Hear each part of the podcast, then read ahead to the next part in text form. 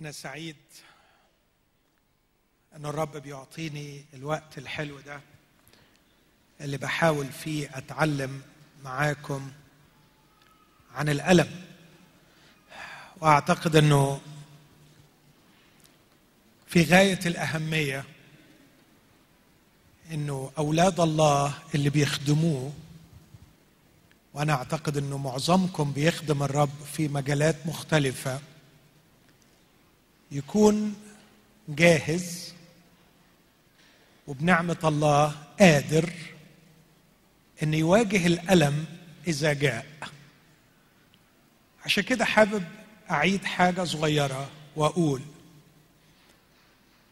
لما بنقترب لقضية الألم في أربع مداخل المدخل الثقافي المدخل الفلسفي ودول بنتعامل بيهم شوية مع المفكرين غير المؤمنين. لكن في المدخل اللاهوتي والمدخل الرعوي ودول اللي بنتعامل بيهم مع أخواتنا المؤمنين. المدخل الرعوي لما الألم بيحصل أخويا المتألم ما ينفعش يتوعظ وهو موجوع لكن محتاج حضن. ومحتاج حكمة خاصة جدا. إزاي أدخل معاه في ألمه وأحتضنه؟ وإزاي أنجح بنعمة الله إن توصل له الرسالة دي؟ إنك في ألمك مش لوحدك. أنا معاك. أنا مش قادر أخففه ولا قادر أشيله عنك. لكن على الأقل أنا شاعر بيه معاك. إخوتي دي أقوى رسالة يحتاجها الأخ المتألم في وقت الألم. ما ينفعش الوعظ في الوقت ده. لكن في مهمة تانية لاهوتية تعليمية في غاية الأهمية هي اللي إحنا من أجلها عملنا السلسلة دي. إن يكون في وقاية. إن يكون في إعداد إن يكون في تجهيز لشعب الرب أولاد الله. علشان لما يدخل الألم يبقى عنده جهاز مناعي روحي قوي قادر على المواجهة والتعامل الصحيح. شيء مؤلم إن العدو المجرم يصوب على خدام الله في وقت ألمهم ليحبطهم ويفشلهم ويوقعهم. وبعدين يجيب الناس يتفرجوا عليهم. يقول لهم اتفرجوا. يا ما نادوا من على المنابر. يا ما علوا أصواتهم بالتسبيح. يا ما وعظوا وقالوا وكتبوا. اتفرج عليهم. أهو. أول ما اتخبط خبطة قوية انهار. ويحقق إبليس أعظم الأرباح إبليس الخبيث يحقق أعظم الأرباح من وراء قاده سقطوا بسبب عدم إعدادهم جيدا لمواجهة الألم. وعشان كده أشعر إنها خطية خطية عليا وخطية على خدام الله. إذا ما كانوش يستغلوا الوقت وقت الراحة وقت الهدنة من الألم إن إحنا بنعمة الرب نكون شخصية وعقلية ذهن قادر على التعامل الصحيح مع الألم. ده اللي بنحاول نعمله. فلما يجي إبليس يخبط سهمه يقول تطفئوا تطفئوا جميع سهام الشرير الملتهب شيء عبارة جميلة بيرمي سهم مولع. لكن فيه درع قوي يستطيع إنه يصد الضربة. قلبي بيوجعني على أخواتي اللي ما بيعرفوش يصدوا. فالسهم يخترقهم ويحرق قلبهم ويفشلهم ويخليهم يعثروا غيرهم. كيف نبني هذا العقل؟ كيف نبني هذه الكينونة الداخلية اللي تعرف تصمد أمام سهام الشرير الملتهبة. خد بالكم يا أحبائي أنا مش بديلك معلومة تستدعيها وقت الحاجة تنجدك. لا. هقول تاني العبارة دي.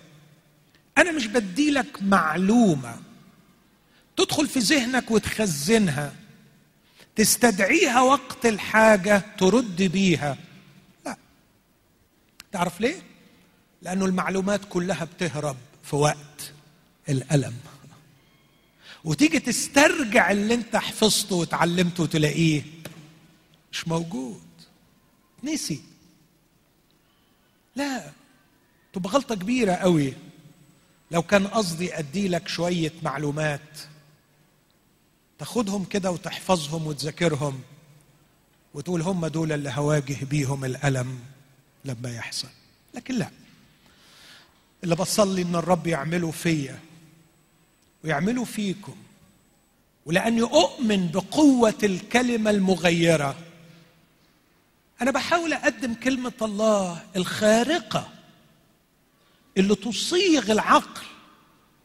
ففي النهاية اسمعني مش برد على سهام الشرير بما أعرف لكن بما أكون. لا أرد على سهام الشرير بمعلومة لكن بكينونة. بواجه الخطر مش بفكرة لكن بكيان. صلب قوي عارف إزاي يتعامل مع الألم. مفهوم الفرق يا أحبائي؟ إخوتي بولس كان يعاني من الوحدة القاسية very lonely وحيد تماما. في احتجاجي الأول لم يحضر معي أحد. الجميع تركوني. بولس في آخر أيامه كان بيعاني من الفيزيكال بين كان بيعاني من البرد الشديد برد شديد في سجن روما ما عندوش غطا يتغطى بيه. فبيقول لتيموساوس لما تجيلي احضر لي الرداء الذي تركته عند كاربوس عشان اتغطى بيه في البرد. وبولس كان يعاني من الملل الشديد في وحدته. وحيد موجوع مل. يائس فقال له هات لي الكتب هات لي الرقوق علشان أقرأ وأكتب. لكن الغريب جدا الغريب جدا في هذا الجزء بولس يواجه الألم مش بمعلومات استدعاها لكن اتفرج عليه اتفرج عليه وهو بيقول هذه الكلمات الجميع تركوني لا يحسب عليهم لكن الرب وقف معي وقواني. اسمع وأنقذني من فم الأسد وسينقذني الرب من كل عمل رديء ويوقفني أمام مجده بلا عيب. إيه ده؟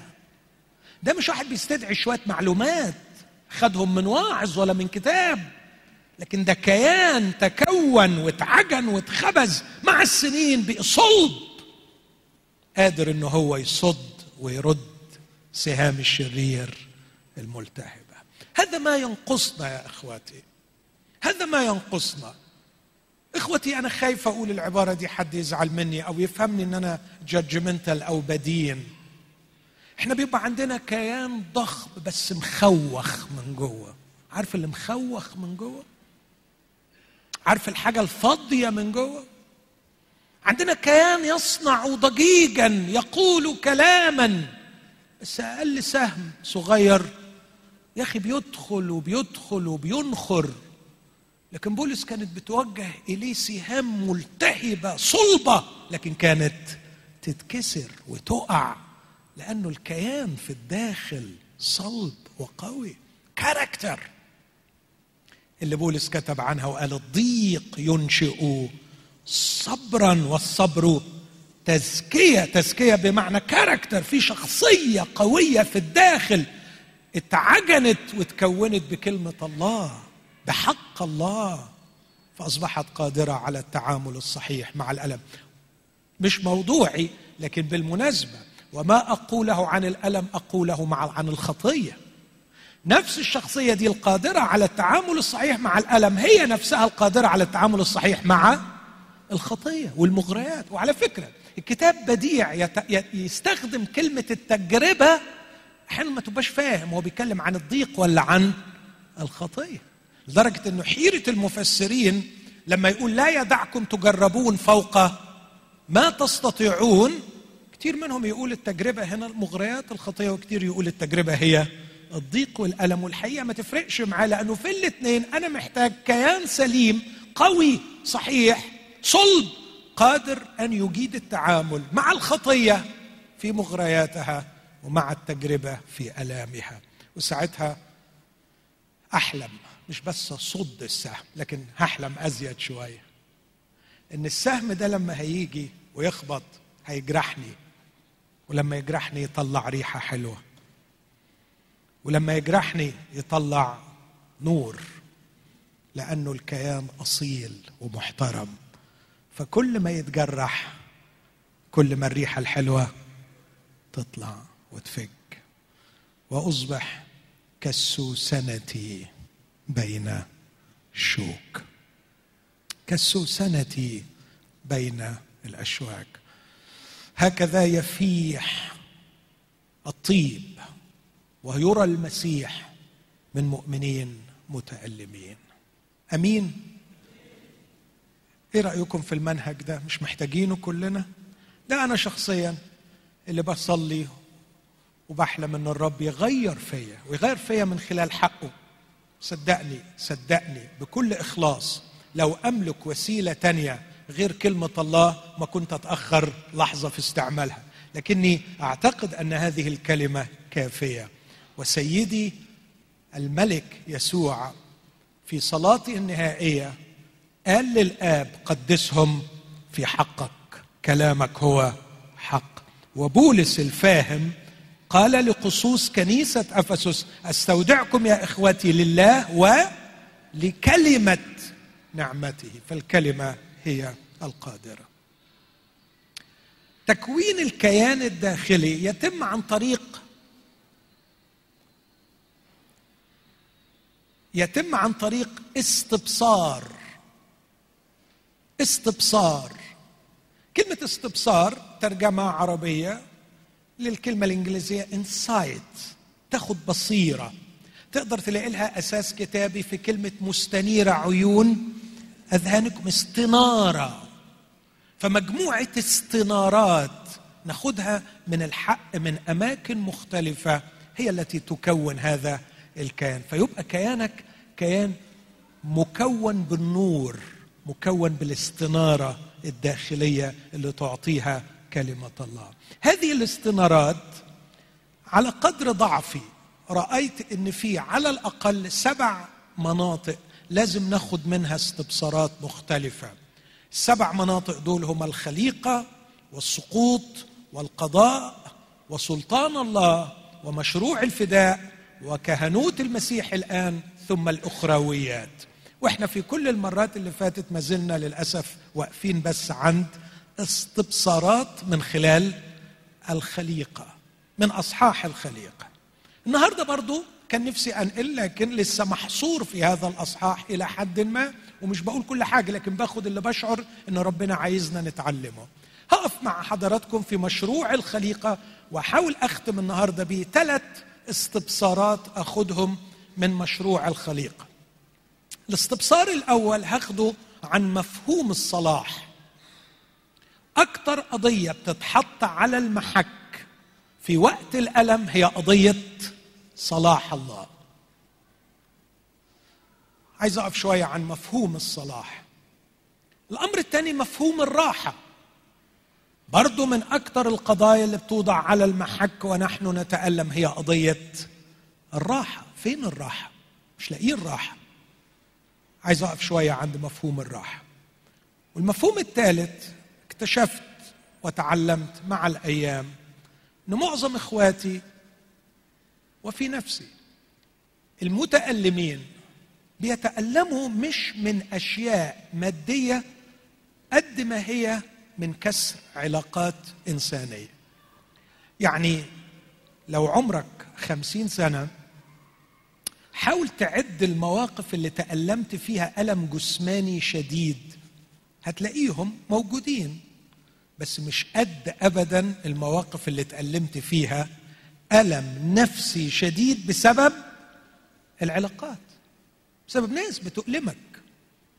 أو أنت بتتألم سواء عن حق أو عن غير حق بسبب فشل وخيانة وغدر وكسر وجهل في التعاملات بعضنا مع بعض.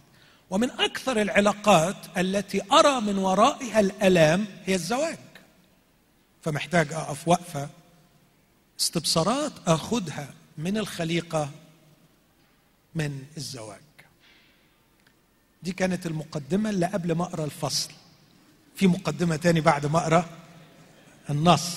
لا مفيش مقدمة تاني. بس أستأذنكم نقف ونقرأ جزء آيات متفرقة من سفر التكوين.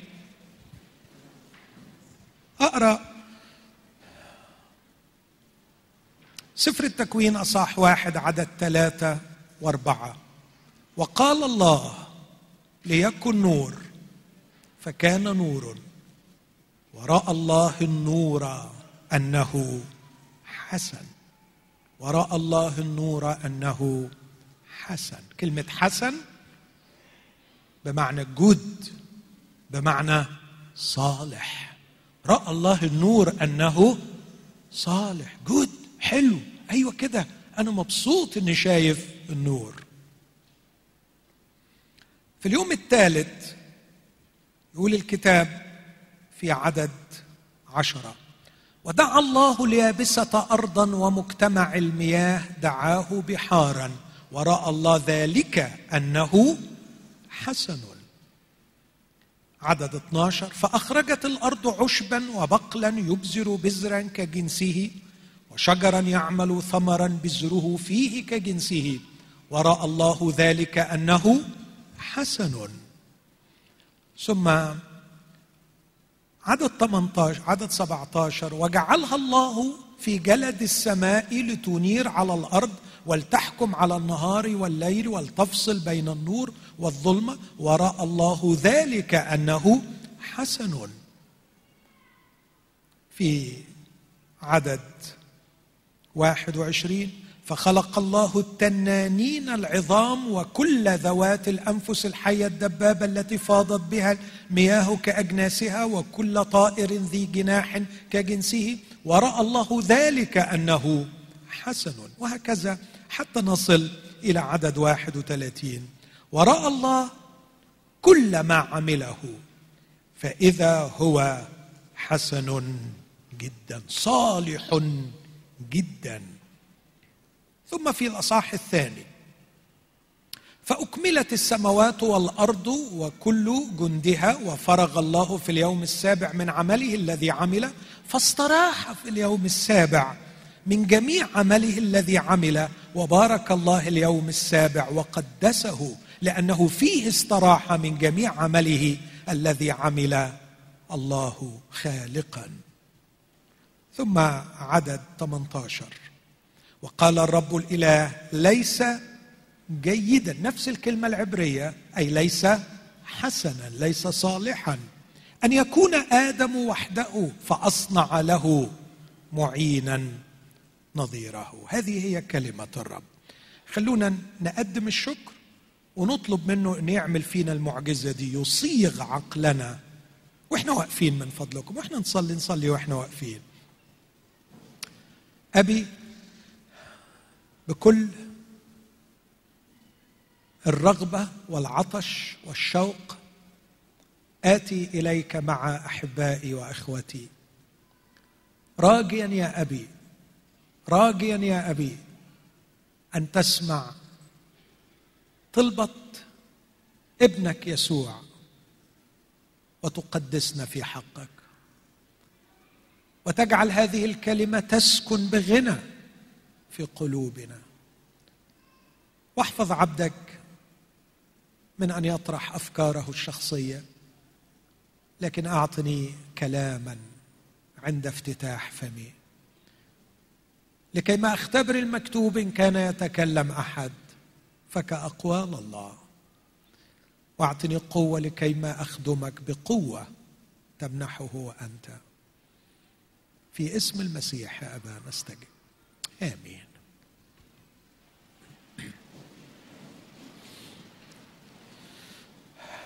موسى لما كتب سفر التكوين أصحاح واحد. مرة ثانية أحبائي بأكد وأرجو أن ننتبه إلى هذا. موسى لا يكتب سجلا علميا. سجلا علميا. عن ال cosmology عن الجيولوجي. لا يكتب سجلا علميا عن تاريخ الكون كيف بدأ. موسى مش رجل علم ولا الكتاب المقدس غرضه غرض علمي. نزهوا الكتاب وارتقوا به عن أن يكون كتابا علميا. الكتاب المقدس معصوم من الخطأ. لكنه ليس كتابا علميا. كيف نعرف كيف بدأت الأرض؟ كيف بدأ الكون؟ كيف بدأت الحيوانات؟ روح ادرس. روح اتعلم. روح التحق بالجامعات. روح ابحث. روح استكشف. اشكر رب لأجل العلم. لكن الكتاب المقدس يقدم رسالة روحية.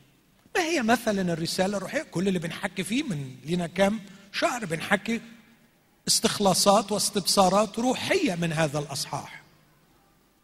فمثلا من ضمن القضايا الروحية المهمة إن البشر كانوا منزعجين بشدة لأنهم بيشوفوا في الدنيا في خير وبيشوفوا كمان في شر. فأذهانهم تفتقت عن اختراعات كثيرة من ضمنها ما يسمى ثنائيه الخير والشر. إن في اله لا ودي منتشره في كل الديانات. آخذ مثلا الديانة الزرادشتية. ديانة معروفة. عندهم اله اللي الديانة دي اسسها زرادشت. عندهم اله اسمه أهورا مزدا ده إله الخير. وإله تاني اسمه أهريمان ده إله الشر. وفي صراع بين الاثنين فإله الخير بيعمل حاجات كويسة وإله الشر بيعمل حاجات وحشة. الثنائيه موجودة عند المصريين القدماء كلنا عارفين اوزوريس الراجل الطيب وأخوه ست الراجل الشرير الوحش. في واحد مصدر الخير وواحد مصدر الشر. استمرت هذه الأفكار في العقل البشري لأنهم عجزوا عن حل هذه المعضلة. إزاي العالم فيه خير وإزاي العالم فيه شر موسى كان عايز يقول لا ثلاث اصحاحات الأولانيين من سفر التكوين. ما فيش إله مع الله. ما فيش إله يصنع الشر. الإله واحد الوهيم في البدء خلق السماوات والأرض. والنقطة اللي هنجيلها وهنقف عندها وعندما خلق الرب الإله لم يخلق الشر لكن خلق كل شيء حسنا صالحا. ده اللي هنقف قدامه. رأى الرب الإله أن كل ما عمله إذ هو حسن جدا جدا. سو so جود حلو قوي. ما فيش ولا غلطة. لكن منين جه الشر؟ مش إله تاني مع الله.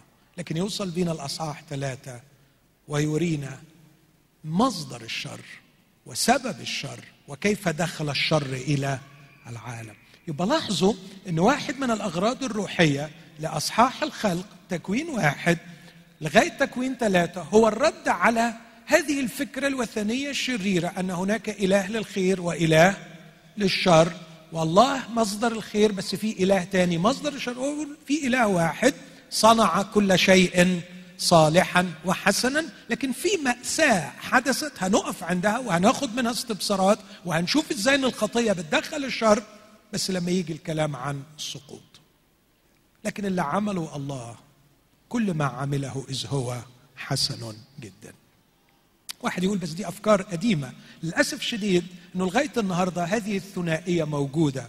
خلوني أديكم مثل بسيط. الغنوصية وهي فلسفة يونانية وقبلها المانوية وهي فلسفة ابتدعها ماني كانوا بيقولوا إن الله أشرق بالنور على المادة المظلمة فالمادة المظلمة كانت تقاوم النور فالله خلق الإنسان لكي يشترك معه في مقاومته للمادة المظلمة لكن للأسف شديد المادة المظلمة استقطبت الإنسان وقهرته وحبسته في المادة وظل هذا الصراع بين الروح التي هي خير والمادة التي هي شر. تعرف إنه لغاية النهارده في أفكار مبنية على إذلال الجسد باعتباره شر؟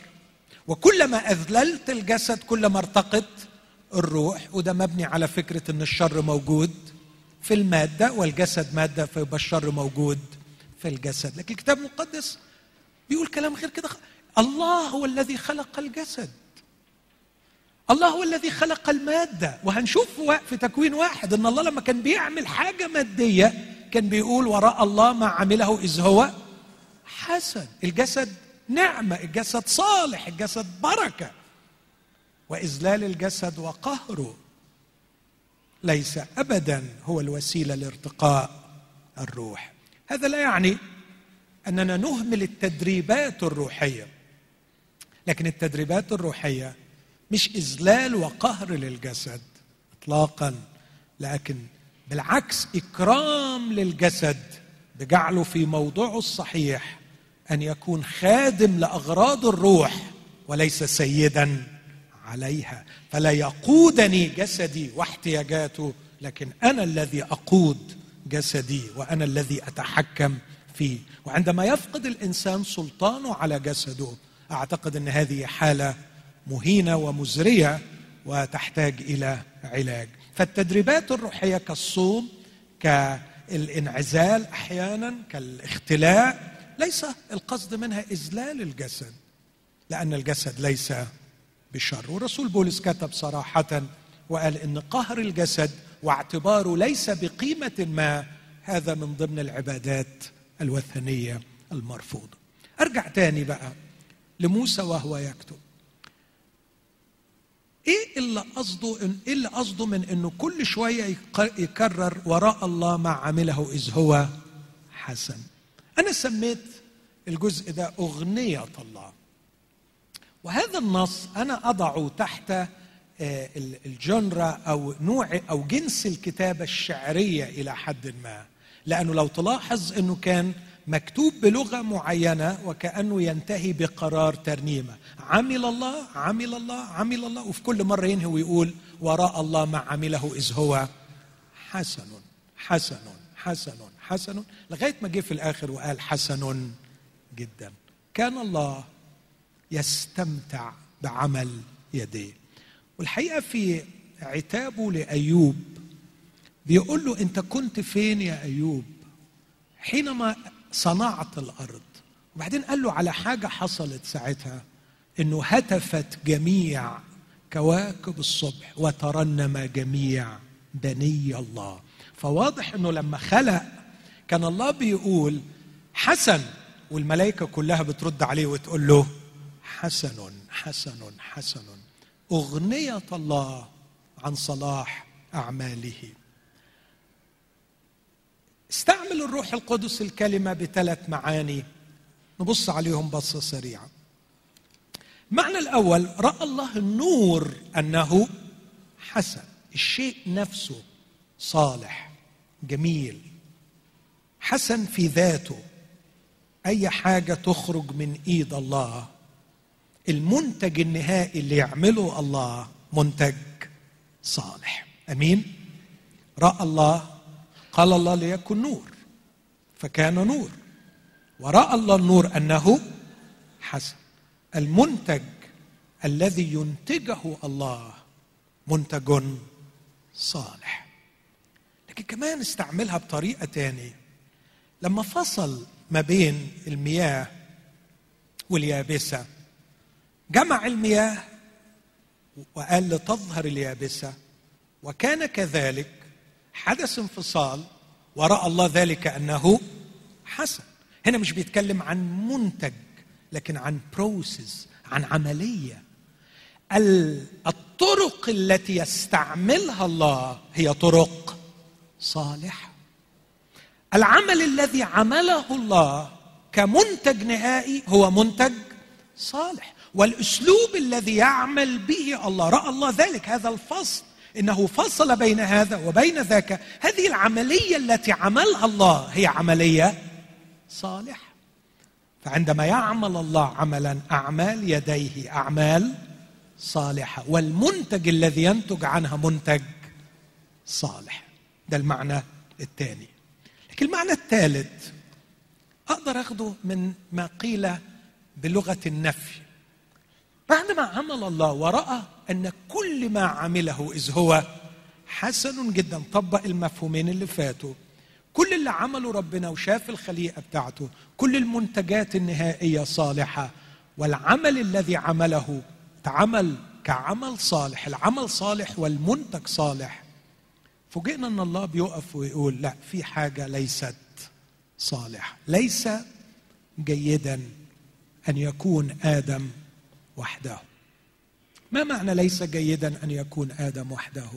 آدم لن يستطيع أن يحقق الغرض النهائي لوجود الإنسان على الأرض لو ظل بمفرده.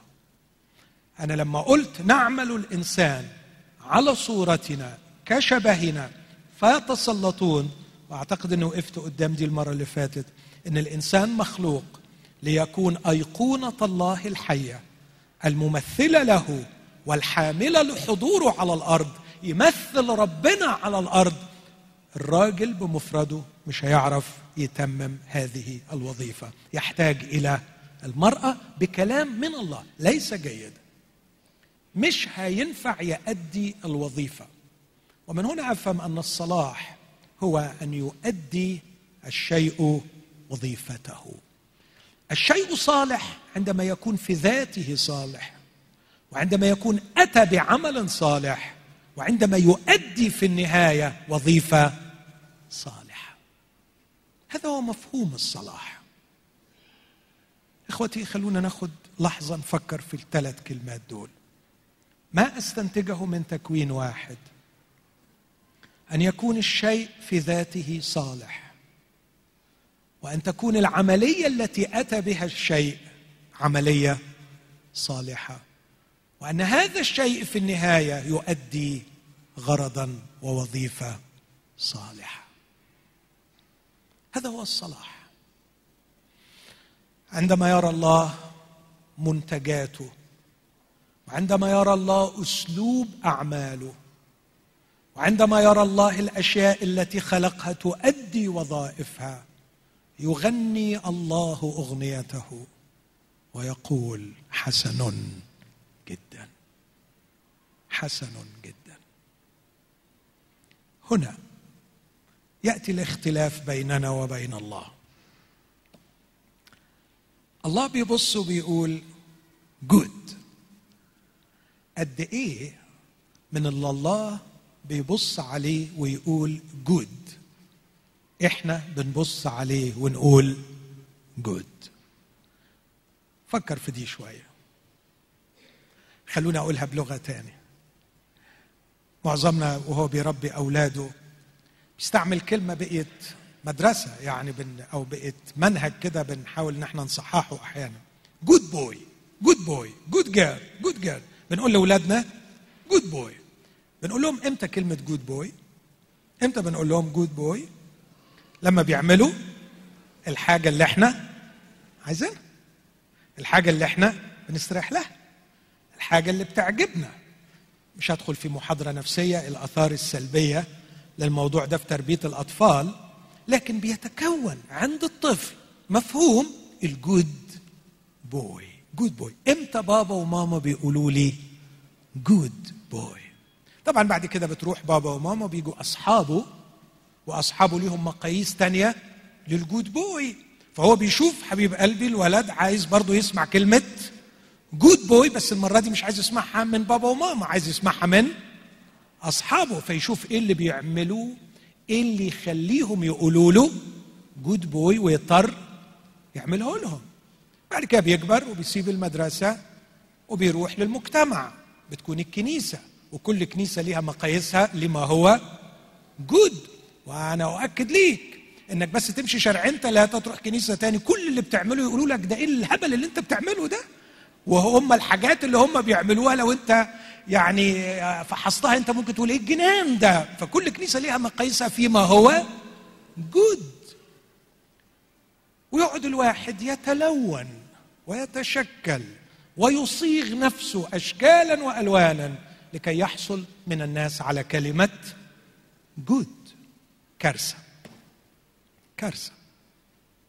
الحقيقة في الآخر عندما ننضج سنصل إلى هذه النقطة. يا رب تعبت. تعبت من تقييمات الناس وتصنيفاتهم لما هو صالح وما هو غير صالح. وفقدت الثقة في نفسي يا رب أن أكون أنا النقطة المرجعية التي بناء على رأيي يتحدد ما هو صالح وما هو غير صالح. لقد وصلت يا رب إلى القناعة التي قالها يعقوب كل عطية صالحة وكل موهبة تامة هي نازلة من فوق. من عند أبي الأنوار الذي ليس عنده تغيير ولا ظل دوران. يا رب لقد آمنت وأيقنت وأعلن أنك أنت النقطة المرجعية الوحيدة التي بالرجوع إليها وبالقياس منها وإليها يتحدد صلاح الشيء ويتحدد صلاح العملية التي تنتج الشيء وتتحدد صلاح الوظيفة التي يؤديها هذا الشيء. أنت يا رب نبع الصلاح أنت يا رب جوهر الصلاح أنت مقياس الصلاح اللي تقول عليه أنت صالح هو الصالح. وبعيد عنك يا رب بعيد عنك يا رب لا يوجد صلاح.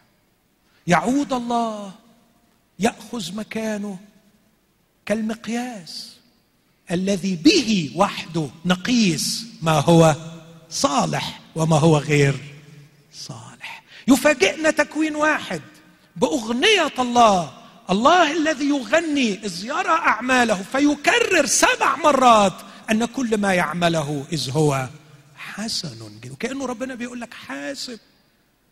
حاسب يا ماهر حاسب يا فلان حاسبه يا فلانة. اوعى تتأله وتختلس مكاني. وتقعد انت على العرش تقول ده صالح وده غير صالح. أنا الوحيد اللي أعرف إيه هو الصالح تسلبنيش حقي. تاخدش حقي. أعظم ترنيمة مش عايز يعني أدوشكم وأتعبكم وأنا بسرد آيات كتيرة في سفر المزامير. آية ورا آية ورا آية. إيه أكتر تسبيحة كان يسبح بها الرب؟ سبحوا الرب وقالوا إنه صالح هو الرب وإلى الأبد. رحمتي صالح هو الرب صالح هو الرب. وكأن هذه هي الأغنية التي يريد الرب من شعبه أن يجهر بها في وجه إبليس ليؤكد دائما ثقته. أن النقطة المرجعية التي بها يتحدد صلاح الشيء وعدم صلاحه هي ليست أنا لكن هو. من الناحيه الثانية خلوني أكون أمين معاكم. وخدوا كده منظر ال good boy الأب اللي بيقول لابنه good boy good boy good boy كلنا عملناها صح ولا مش صح؟ كلنا عملناها شوف ولادنا كده في موقف حبيبي مش معقول. good boy بس تعرفوا إن بنعملها كتير مع ربنا. مرات كتير أهو. جود جاد جود جاد برافو يا ربنا. عملتها كويس. وهنا يجي سؤال. كلكم عملتوا كده ولا ما عملتوش؟ مرات كتيرة قوي. أول ما يعمل حاجة معينة حلوة. يعني إيه حلوة؟ إحنا شايفينها حلوة. حاجة جميلة. يعني إيه جميلة؟ على مزاجنا. حاجة معينة تعجبنا. يعني إيه تعجبنا؟ يعني بتريحنا. حاجة معينة. حاجة معينة. تلقائيا كده. تلقائيا بنكافئه. بنمدحه. نقول له إيه؟ ها؟ زي ما كنا بنعمل مع عيالنا. نقول له إيه؟ good جاد good جاد برافو good good إمتى بتقول له ربنا good إمتى بتقول له ربنا good لما بيعمل الحاجة اللي انت عايزها. خد بالك من المصيبة السوداء هنا. بإيمين المقياس؟ أنا. أنا المقياس. عندما يصنع الله ما يتوافق مع ميولي مع رؤيتي للأمور مع نظرتي للمستقبل مع أحكامي على الناس يعني لما ربنا يكسر لي رقبة حد مش بحبه. يبقى جود جاد يا ربنا لما يديني الفلوس اللي كنت بحلم بيها في ليلة كده يعني نايم من غير غطا وحالتي مرار وعمال أحلم احلام أي كلام وحلمت بكذا وكذا وكذا وبعدين ربنا يحقق لي الأحلام دي طبعا هقول له جود جاد من هو الإله الصالح؟ هو الذي يلبي رغباتي. هو الذي يسرع لي في هواي. هو الإله الذي يعطيني كل ما أحلم به. هو الإله الذي ينصرني على أعدائي ويسحق كل مقاوميه هو ده. هو ده الإله الصالح. يا للعار عندما تقلب الأوضاع وأقيم أنا المخلوق الضعيف المحدود ما هو الصلاح؟ إخوتي أول صفحة من الكتاب. يصدمنا الله بسبع مرات أن من من حقه أن يقرر ما هو الصلاح. ليس أنا لكن الله. وإذا لم نستبصر بهذا الاستبصار من أول صفحة من الكتاب لن نعرف كيف نواجه الألم بقية الحياة.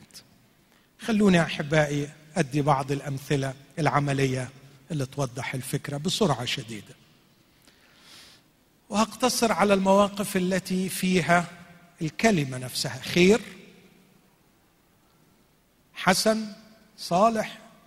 كلمات دي كلمات كلمة واحدة في العبرية. مثلا في موقف من المواقف حدث جوع. يقينا الجوع ما هواش حاجة كويسة. حدث جوع فانحدر أبرام إلى مصر. تصرف تصرف منطقي طبيعي ابتعد عن الجوع وراح إلى مصر لاحظوا إنه الخروج من أصله كان خروجا لتبعية الرب ف, فبالايمان إبراهيم لما دعي أطاع فخرج وهو لا يعلم إلى أين يأتي لكن إلى أين يأتي؟ مش يذهب لأنه الرب كان ماشي قدامه هو يأتي إلى الرب يأتي إلى الرب يأتي إلى الرب. واضح إن الرب ما نزلش معاه لمصر. لكن هو تصرف تصرف طبيعي ونزل إلى مصر مش هقف كتير عند دي. لكن خدوا بالكم من اللي جاي. وهو داخل مصر بعيدا عن محضر الله ابتدى يشعر بالخوف من جمال سارة. جمال سارة خير ولا مش خير؟ خير. لكن ابتدى في الوقت ده ما يكونش خير ابتدى يكون مشكلة. فقال لها إني علمت أنك امرأة جميلة. متجوزني ليك أربعين خمسين سنة يا دوب النهاردة. عرفت إن أنا جميلة. آه الحقيقة مش قصدي بالظبط إن عرفت إنك جميلة يعني لكن صاري إن وجهة نظري في جمالك النهاردة ابتدت تتغير. يا دي المصيبة. يعني إيه؟ يعني الحقيقة كنت شايف جمالك خير. النهاردة شايف جمالك شر. يا يا إبراهيم للدرجة دي؟ هو أنتوا يا بني البشر متقلبين بهذا الشكل؟ اللي كان زمان خير يبقى النهارده شر. آه تعرفوا إمتى؟ لما يبقى على مزاجي خير مش على مزاجي شر. لما يبقى يعمل لخيري أحط وشي في وش واحدة كويسة حلوة خير. لكن لما يجي ممكن حد يقتلني بسببها يبقى شر. فلاحظ النقطة المرجعية. هو مدى استفادتي من هذا الشيء عندما أستمتع به هو خير. عندما يعرضني للأذى هو شر وهو نفس الشيء. لأننا ما ننفعش نحدد إيه هو الخير وإيه هو الشر. إحنا إحنا وحشين أوي. إحنا بصراحة أي كلام. حد زعلان مني؟ إحنا ما ننفعش. إننا نحتاج بص بقى الروعة بتاعت الكتاب لما أتكلم عن الله إن هو مصدر الصلاح راح لاطع على طول العبارة دي الذي ليس عنده تغيير ولا ظل دوران اللي ما عندوش تغيير هو بس اللي من حقه يحدد إيه هو الصالح وإيه هو غير. الصالح. لأنه حتى لو كان إبراهيم أبو المؤمنين فوجئنا في يوم من الأيام بكارثة أخلاقية إنه غير كلامه فيما هو صالح وما هو غير صالح. طبقا للظروف اللي بيعدي فيها. اللي بيجي على مزاجه خير اللي ما يجيش على مزاجه ما هوش خير. كانت تبقى بهدلة ومهزلة لو ترك لنا الأمر أن نحدد نحن ما هو الصالح وما هو غير الصالح. اسمع المأساة اللي بعديها. إني علمت أنك امرأة جميلة. فعرفت أنهم إذا راوك سيقتلونني ويستبقونك. فقولي إنك أختي. أرجوكم ركزوا في العبارة دي. ليكون لي خير بسببك. يجي لي الخير يا سارة لما نكذب.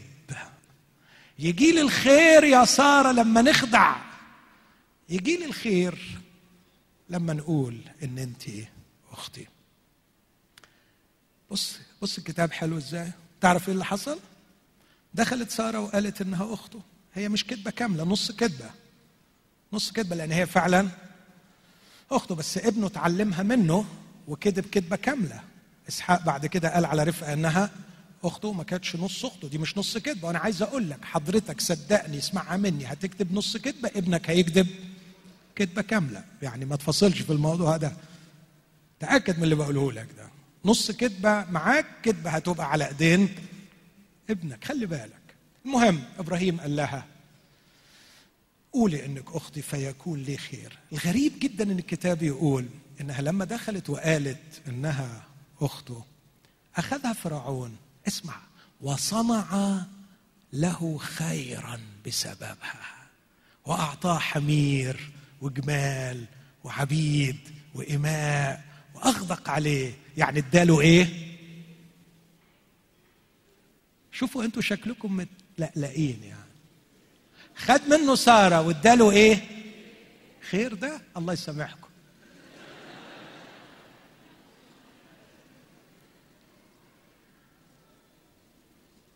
وراح البيت. والخرفان تمأمأ. والحمير تنعر. والجمال. ما عرفش تعمل إيه. والعبيد سود وبيض والإماء. والبيت اتملى. بس الأوضة جوه ما فيهاش سارة. شيل. بسط. شو ده الخير؟ افرح. استمتع. عندك عبيد عندك إماء عندك جمل. أحضن حميرك. أحضن حميرك. اقضي ليلة جميلة مع حمرتك أحضن أموالك. أحضن ممتلكاتك. مش هو ده الخير؟ اللي بسببه ضحيت بمراتك. مش هو ده الخير؟ اللي بسببه سبت عيالك وسبت خدمتك. مش هو ده اللي كان خير في نظرك؟ مبروك عليك يا حبيبي. استمتع بيه. البس اللي كان نفسك فيه. واركب اللي كان نفسك تركبه. واعمل اللي كان نفسك تعمله. وروح بالليل ابكي كثير القلب لوحدك. ولا أحد يعرف مرارة نفسك. لأنك اختلست حقا ليس لك. أن تحدد لنفسك ما هو الخير وما هو الشر. يا إبراهيم حيلك يا إبراهيم. أنت أبو المؤمنين على عيني وراسي. بس مش أنت اللي تقول إيه هو الخير وإيه هو الشر. دي مش شغلانتنا ابدا. ابدا ابدا ابدا. أنا لا أستطيع أن أعرف قط قط. ولا يمكنني ابدا أن أختلس مكان الله وأقول هذا هو الخير وهذا هو الشر. هوصل معاكم. طب وبعدين هنحكم إزاي؟ هقول لك نحكم إزاي. بس بعد ما أحكي الحكاية الثانية دي. داود شاب جميل أشقر مع حلاوة العينين شاعر وموسيقار مستمتع بحياته لأبعد حد قاعد مع الخرفان يغني لهم ويسمعوه هو مستمتع وراء الغنم. فجأة جاله مرسال من بيت أبوه يقول له تعالى في هيصة ولمة وزيطة في بيت أبوك وأبوك عايزك. راح لقي صموئيل اللي كان بيسمع عنه والدنيا مقلوبة وحفلة كبيرة. وبعدين لقي صموئيل بياخده على جنب ويقبله ويعمل إيه؟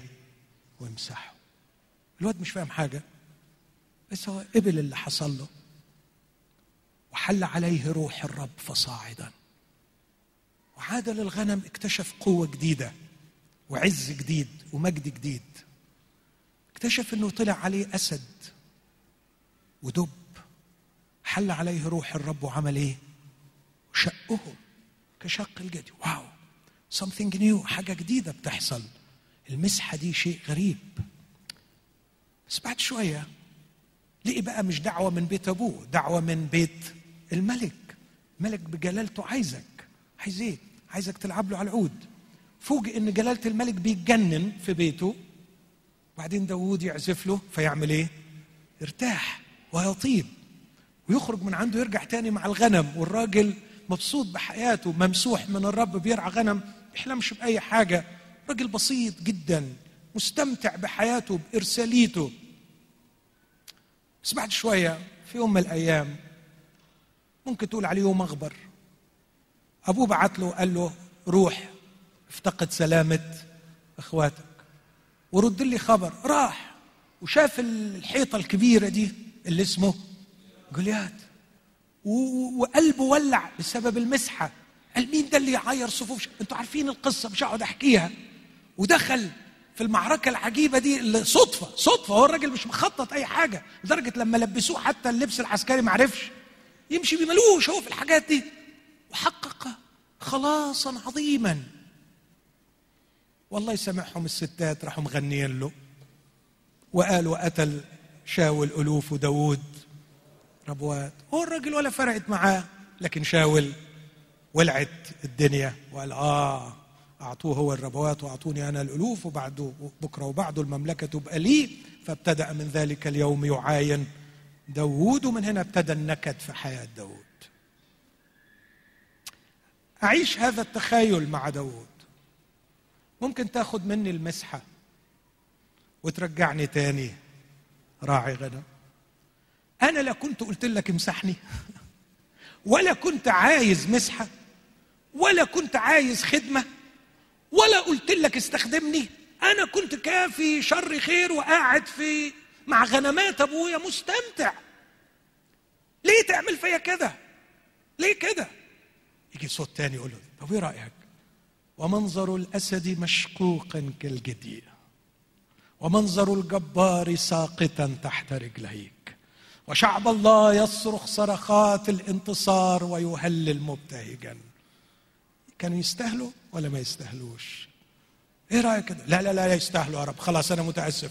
أنا متشكر على المسحة متشكر على الخير. هو ده الخير. الخير في المسحة. الخير في المسحة. يلا بينا نكمل. يروح يقعد قدام شاول. فأصح واحد صمويل الأول 19 سبع مرات يحاول يغتاله في يوم. تخيل الافتراء. صوب الرمح صوب الرمح. يهرب المسكين ويطلع وبعدين يروح لمراته يقول لها الحقيني أبوك عايز يقتلني. تقول له تعالى أحطك في قفه وأنزلك. عارفين؟ حاجة مذلة مش كده؟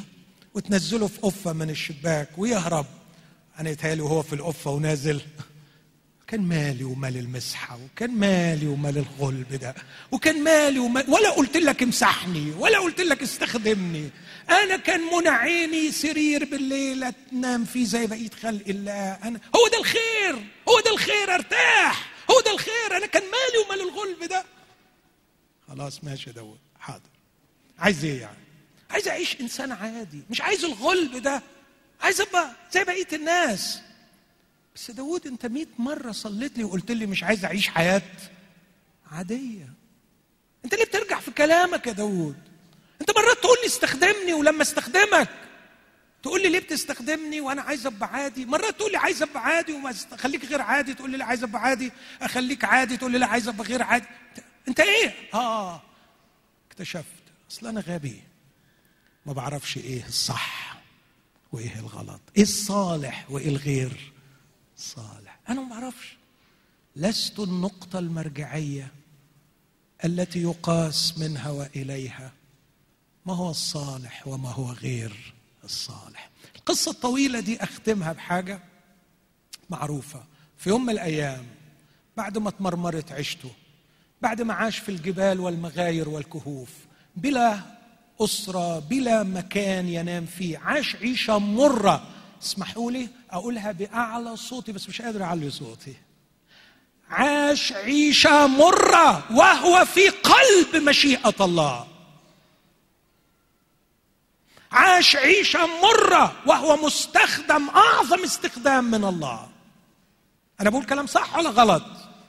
صح. وراجع وراي الكلام اللي بقول. من مغارة لمغارة من كهف الكهف مرة صغرت نفسه في عينيه وقال له وراء من يطارد ملك إسرائيل؟ وراء كلب ميت برغوت واحد. صغرت نفسه في عينيه لدرجة أنه شاف روحه عامل زي كلب وهو في قلب مشيئة الله. ودهن المسح يتقاطر من على رأسه. كان منسحقا كان منسحقا. كان في قلب مشيئة الله وهو يعمل أعظم أعمال الله بنفس منسحقة. بس ما عجبهوش فاسمع العبارة دي أرجوك وراجع ورايا الكلام ده. قال داود في قلبه إني سأهلك يوما بيد شاول فلا خير لي تاني كلمة خير حسن صالح جود فلا خير لي إلا إني أفلت إلى أرض الفلسطينيين. فييأس شاول ولا يعود يفتش علي. فقام وهرب إلى ملك جد فاستقبله ملك جد وأعطاه مش بيت مدينة. اسمها صقلغ له مدينة لها أبواب وعوارض. وأخيرا بقي معاه مفتاح. وعنده بيت. وزي خلق الله يروح بالليل ينام على سريره محترم. قد إيه المؤمنين دول خدعوني؟ قد إيه الكلام اللي كنت الوهم اللي كنت عايش فيه؟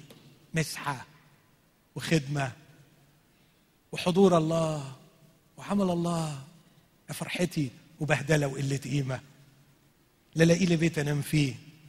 ولا حتى عاتقني في حالي. أنا ما كنتش عايز أنا بس عايزه يسيبني أعيش. هذه العيشة دلوقتي. الواحد كده زي بقية خلق الله. محترم موقر مش عنده بيت عنده مدينة. داخل طالع شيخ القبيلة داود محترم. هو ورجالته معاه. ملك الفلسطينيين بيحترمه بيقدروا. عيشة طبيعية. عيشة طبيعية. تليق بيا. أنا ما عملتش حاجة عشان يحصل فيا ده كله. بعدين بعد كم يوم كده يعني تهيألي ما اتقالتش صراحة بس يعني هو هو حضرتك كده هتقعد عواطل يعني هنا؟ إحنا يعني أنا هعولك كده وبس يعني هتيجي تعيش هنا لازم تشتغل حضرتك. طب اشتغل إيه؟ آه. تروح تشترك معايا في الحرب أنت راجل محارب فتحارب لي أعدائي. فابتدى يقول له طب هو أعداء حضرتك مين؟ فلان وفلان. فكان يذهب يغزو. ويأخذ الأملاك من هذه الشعوب المعادية لملك الفلسطينيين. ويأخذ منها نصيبه ويرجع الباقي لأخيش ملك جد. وكان يحارب أعداء أخيش. مبروك عليك يا حبيبي. بدل ما كنت بتحارب أعداء الرب. وصرت يا صديقي تحارب حروب أخيش. بينما أبي جايل في يوم من الأيام قالت عنك سيدي يحارب حروب الرب. آه يا داود كنت تحارب حروب الرب. ويهتف شعب الرب وراءك لأنك تحقق نصرا وراء نصر لصالح الرب. صرت قطاع طريق. هم على فكرة اللي بيعملوا الغزوات إيه؟ قطاع طرق. قطاع طرق. فكان يخرج يغزو ويرجع بالغنايم لسيده واشتغل خدام عند أخيش. يحارب أعداء أخيش يحارب حروب أخيش. هو ده الخير يا داود أقول لك على حاجة الكتاب قالها؟ عشان تبقى عارف. تعرف الكتاب قال إيه في الموقف ده؟ قال لك وسمع شاول أن داود هرب إلى أخيش فلم يعد يفتش عليه. يبقى خير ولا مش خير؟ برافو تشكر قوي كده طمنتوني عليك. المرة اللي فاتت غلطتوا مع إبراهيم. طب هقولها تاني علشان أتأكد بس عشان ما أفرحش على الفاضي.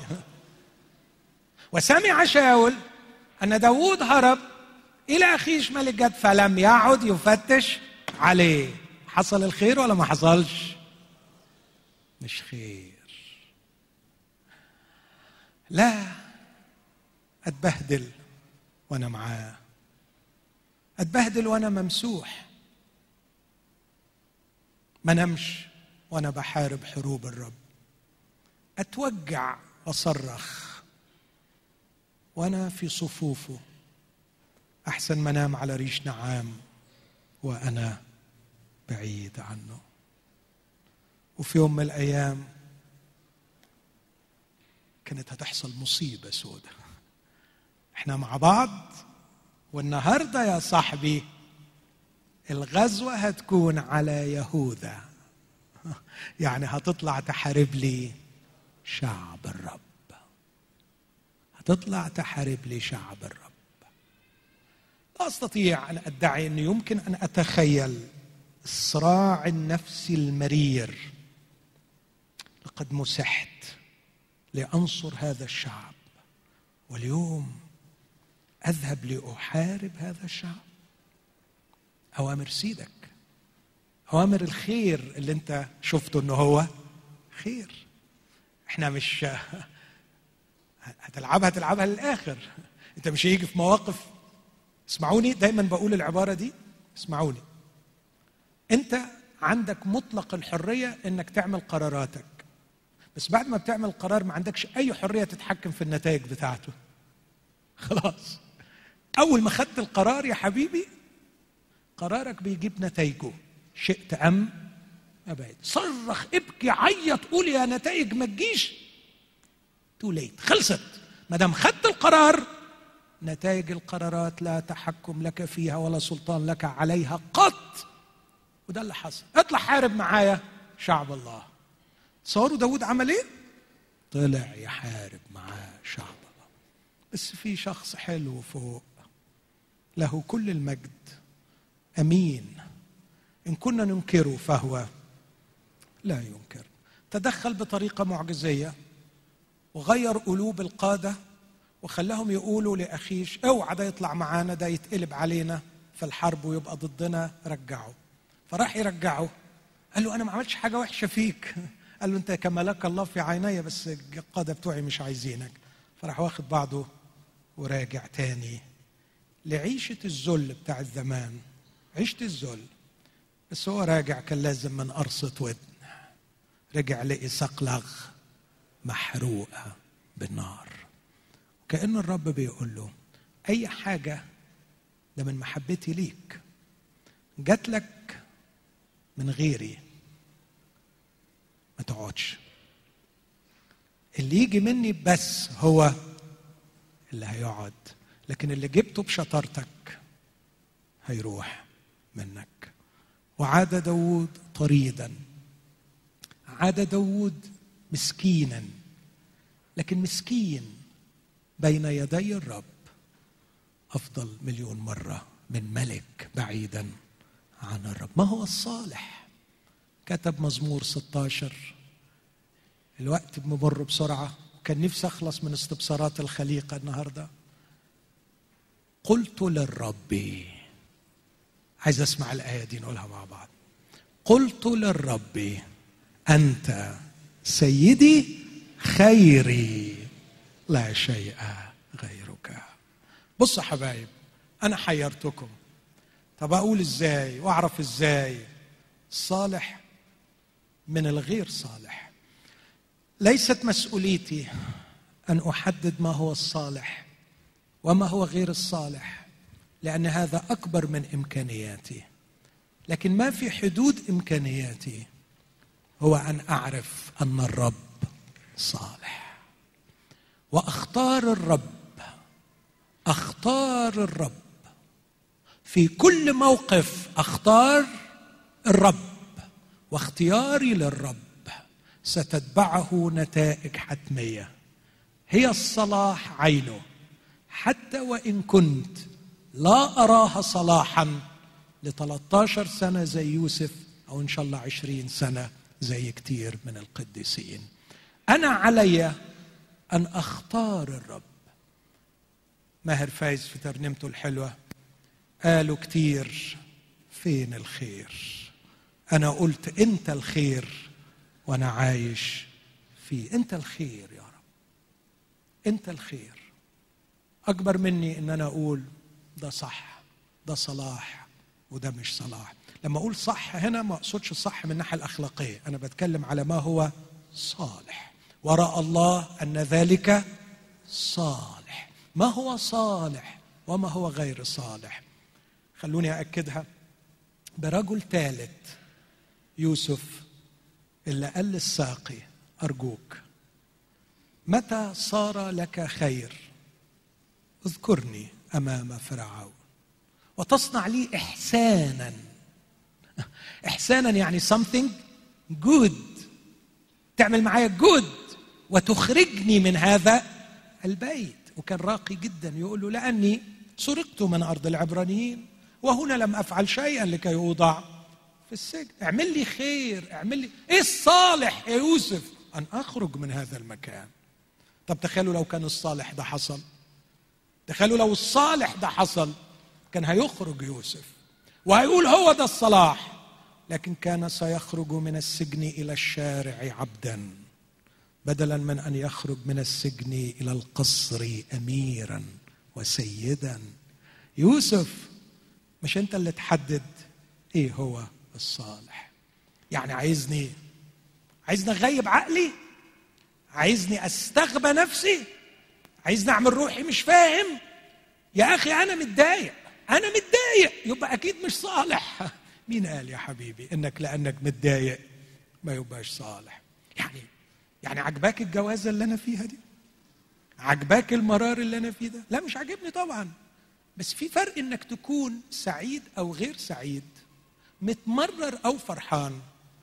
وقصة تاني خالص انه يكون ده هو الصالح أو الغير صالح.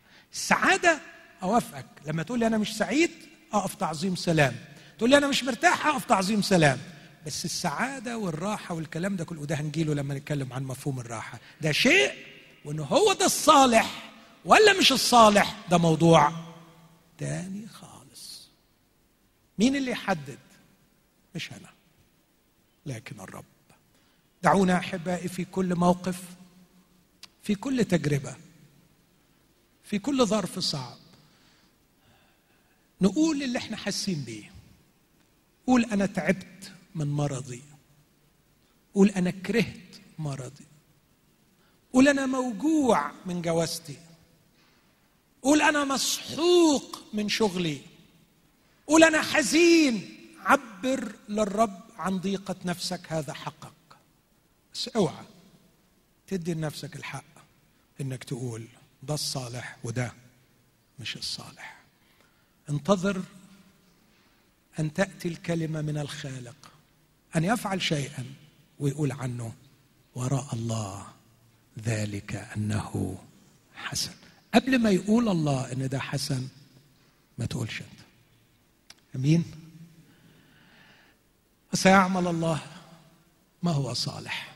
اسمعني في ثلاث كلمات. سينتج منتج صالح. وسيعمل عملية صالحة. وسيجعلك في النهاية تؤدي وظيفتك. فتصبح شخصا صالحا. يعني يعطيك شيئا صالحا. يطلع منتج صالح. يعمله بطريقة صالحة. وفي النهاية أنت هتبقى شخص صالح. تحب تنهي حياتك؟ Functioning well. بتأدي وظيفتك وتنتج وتفعل ما خلقك الله لأجله ساعتها تبقى صالح. علشان توصل لدي ويحقق الله غرضه منك هتعدي في حاجات من وجهة نظرك وحكمك انها غير صالحة لكن أتمنى النهارده إن إحنا نغير رأينا. حاول تراجع الكلام ده على قصة يسوع المسيح. يسوع المسيح سيدي مضى في طريق الجلجسه ليختبر كل أنواع الألم. وكل أنواع شر البشر لكن في النهاية أنتج الله عملا صالحا. وجعل يسوع المسيح المصلوب هو سر علاج وشفاء كل هذه البشرية المعذبة. الله صالح اسمه صالح رحمته صالحة أعماله صالحة كلمته صالحة كل ما هو الله هو. صالح. أمين. تحبوه؟ تحبوه؟ طب خلاص أنا خلصت. قبل ما نرنم وأكيد هنقول له أنت صالح. عايز أقدم نصيحة صغيرة خالص. أنا ما شفتوش.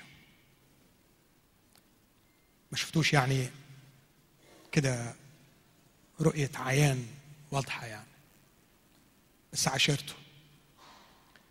وعايز أقول لك بناء على العشرة دي إنه صالح وإنه يتعاشر وإنه تراستبل تقدر تثق فيه. لو أنت أمنت إنه هو يتوثق فيه حط إيدك في إيده وامشي معاه وما تسألش ما تقلبش ما تناقش. آه يعني أنت عايزني أثق ثقة عمياء ابدا. أنا بكره كلمة ثقة عمياء دي. ما بحبش ابدا. وربنا لا يدعونا إلى ثقة عمياء لكن أقدر أقول رصيده عندي من معاملات أنا واعي جيدا لها يكفيه ليجعلني أثق فيه. تقدر تقول الكلام ده عن نفسك؟ تقدر تقوله؟ تقدر تقوله يا بيبو؟ تقدر تقوله يا بلبل؟ تقدر تقول كل مؤمن فيكم إذا ما قالش الكلمة دي يبقى في حاجة غلط. هقولها تاني. أنا أنا حاجات كتيرة مش فاهمها بس رصيده عندي يكفيه ليجعلني أثق فيه. وأنا واعي للي عمله معايا إذا كنت بثق فيه ما تقيمهوش بناء على معاملاته اللي أنت مش فاهمها. لما تبقى غير فاهم ما تناقش جوهره. اسأل للصبح في أعماله ومعاملاته بس أنت مليان باليقين انه هو صالح والكل اللي بيعمله صالح. وامشي معاه وأنت مغمض مطمئن إنه صالح وإن المنتج النهائي صالح. جاء إلى مرثا ومريم. إيه اللي أنت عملته؟ إيه اللي أنت عملته؟ نبعت لك ما تجيش نسألك ما تردش. إزاي تتأخر؟ إزاي؟ إحنا مش فاهمين. صح. صح. بس عندي سؤال. أنتوا واثقين أنا بحبكم ولا لا؟ آه لا دي عارفينها. آه عارفين إنك بتحبنا. خلاص. ما دام أنتوا عارفين إن أنا بحبكم اهدوا. إخوتي لا أفهم معظم معاملاته لكني دائما أثق في صلاحه وأسير معه. لا لأني أفهم كل ما يعمله معي لكن لأنه قدم أدلة كافية تؤكد أنه شخص صالح وجدير بالثقة.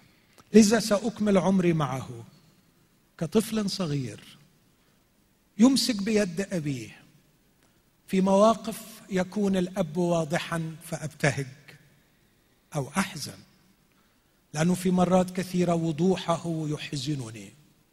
وفي مرات كثيرة لا أفهمه. وعندما لا أفهمه سأزيد من قبضة يدي على يده لكي أطمئن أنه معي. وعندما أطمئن أنه معي لن أعبأ كثيرا. إن مضى بي في وسط الغموض إلى الألم أو إلى الراحة أنا مطمئن لأني في يد إله صالح. خلونا نقف ونسبح هذا الإله. ونعيد تصورنا لأنفسنا وله. ونحن أمام هذه العبارة. رأى الله كل ما عمله إذ هو حسن جدا. يعكس به جوهره الصالح وأعماله الصالحة وأغراضه الصالحة. هو صالح أعماله صالحة أغراضه صالحة.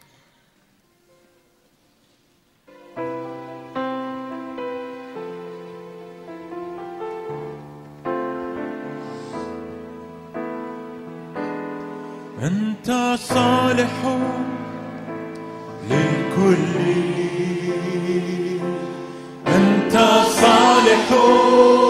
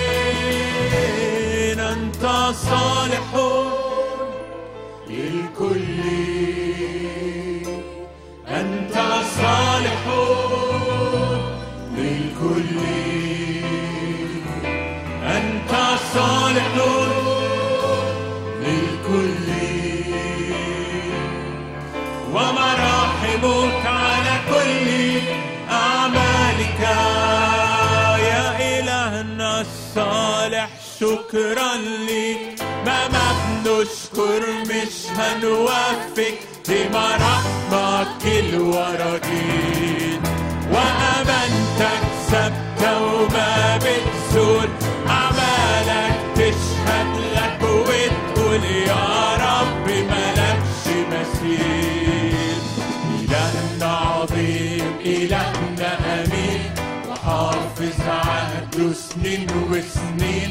بيطعم شعبه في برية ويطلق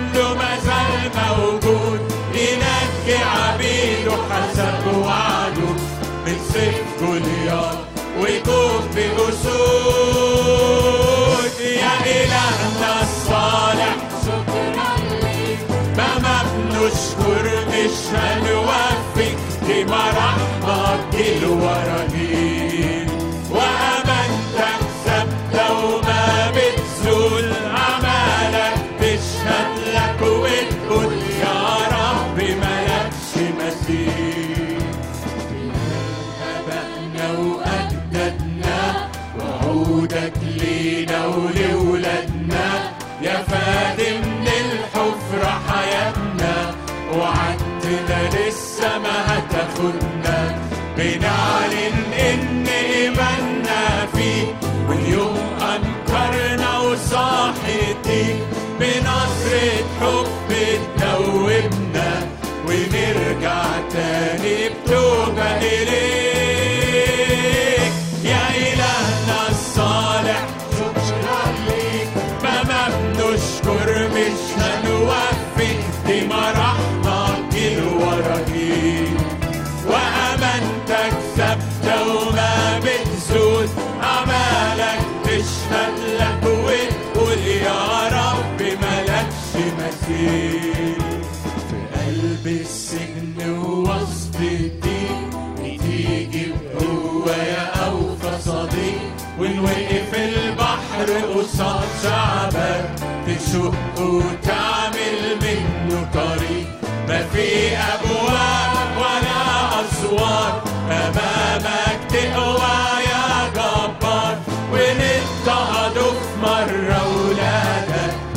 نشوفك وسط أتون النار. يا إلهنا الصالح شكرا ليك ما بنشكر مش هنوفي دي مراحمك الوراجيل وأمانتك ثابتة وما بتزول أعمالك تشهد لك وتقول يا رب ملكش مثيل يا رب ملكش مثيل احسب معايا القضية دي قبل ما تسيب هذا الاجتماع.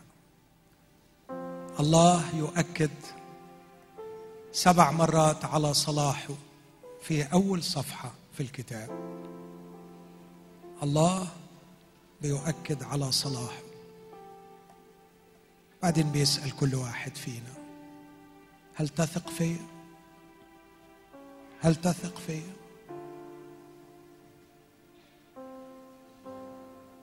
هل في مرارة في قلبك من نحو الرب؟ هل شككك العدو في صلاح الله؟ ارجع لإلهك هيا بنا نتوب عن هذه الخطية هو بيحبك ومقدر ألمك مستعد يسمع أسئلتك وحيرتك لكن بيحزن لما بتشك في صلاحه. اغفر خطيتي عندما جعلني كبريائي. أظن أني أفهم ما هو صالح وما هو غير صالح.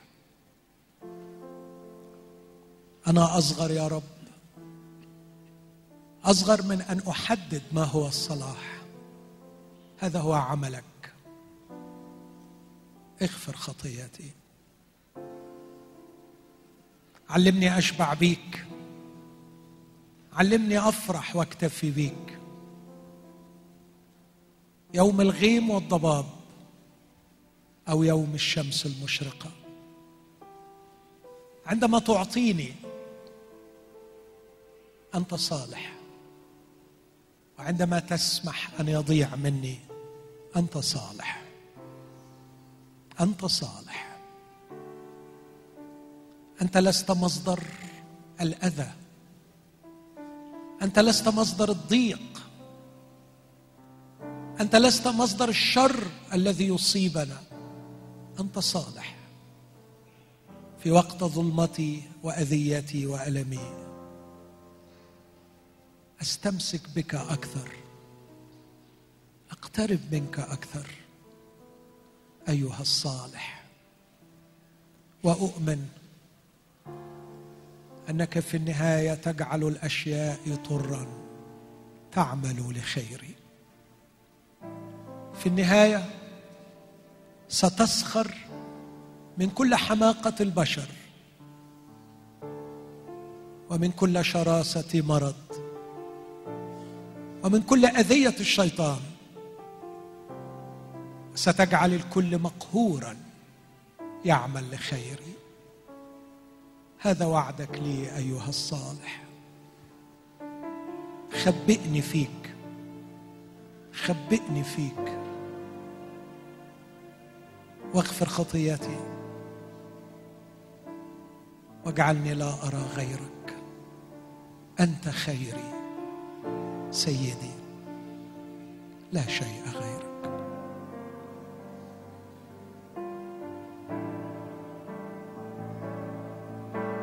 لما صعب تتحدى قلبي هيصدق إنك صالح.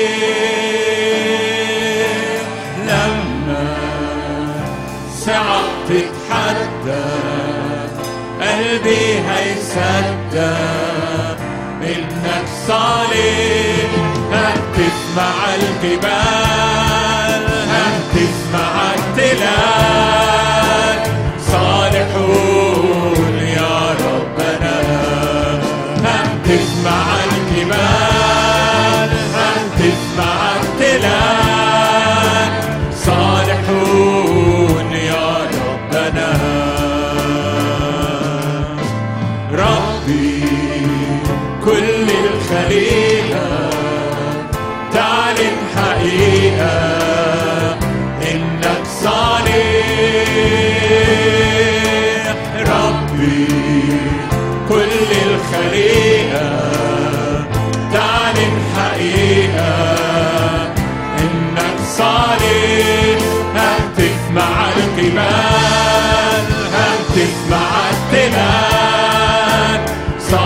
صالحون يا ربنا.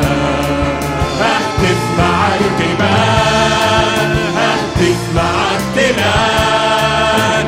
صالحون يا ربنا. لما الشعب تتحدى لما الصعب تتحدى قلبي هيصدق إنك صالح.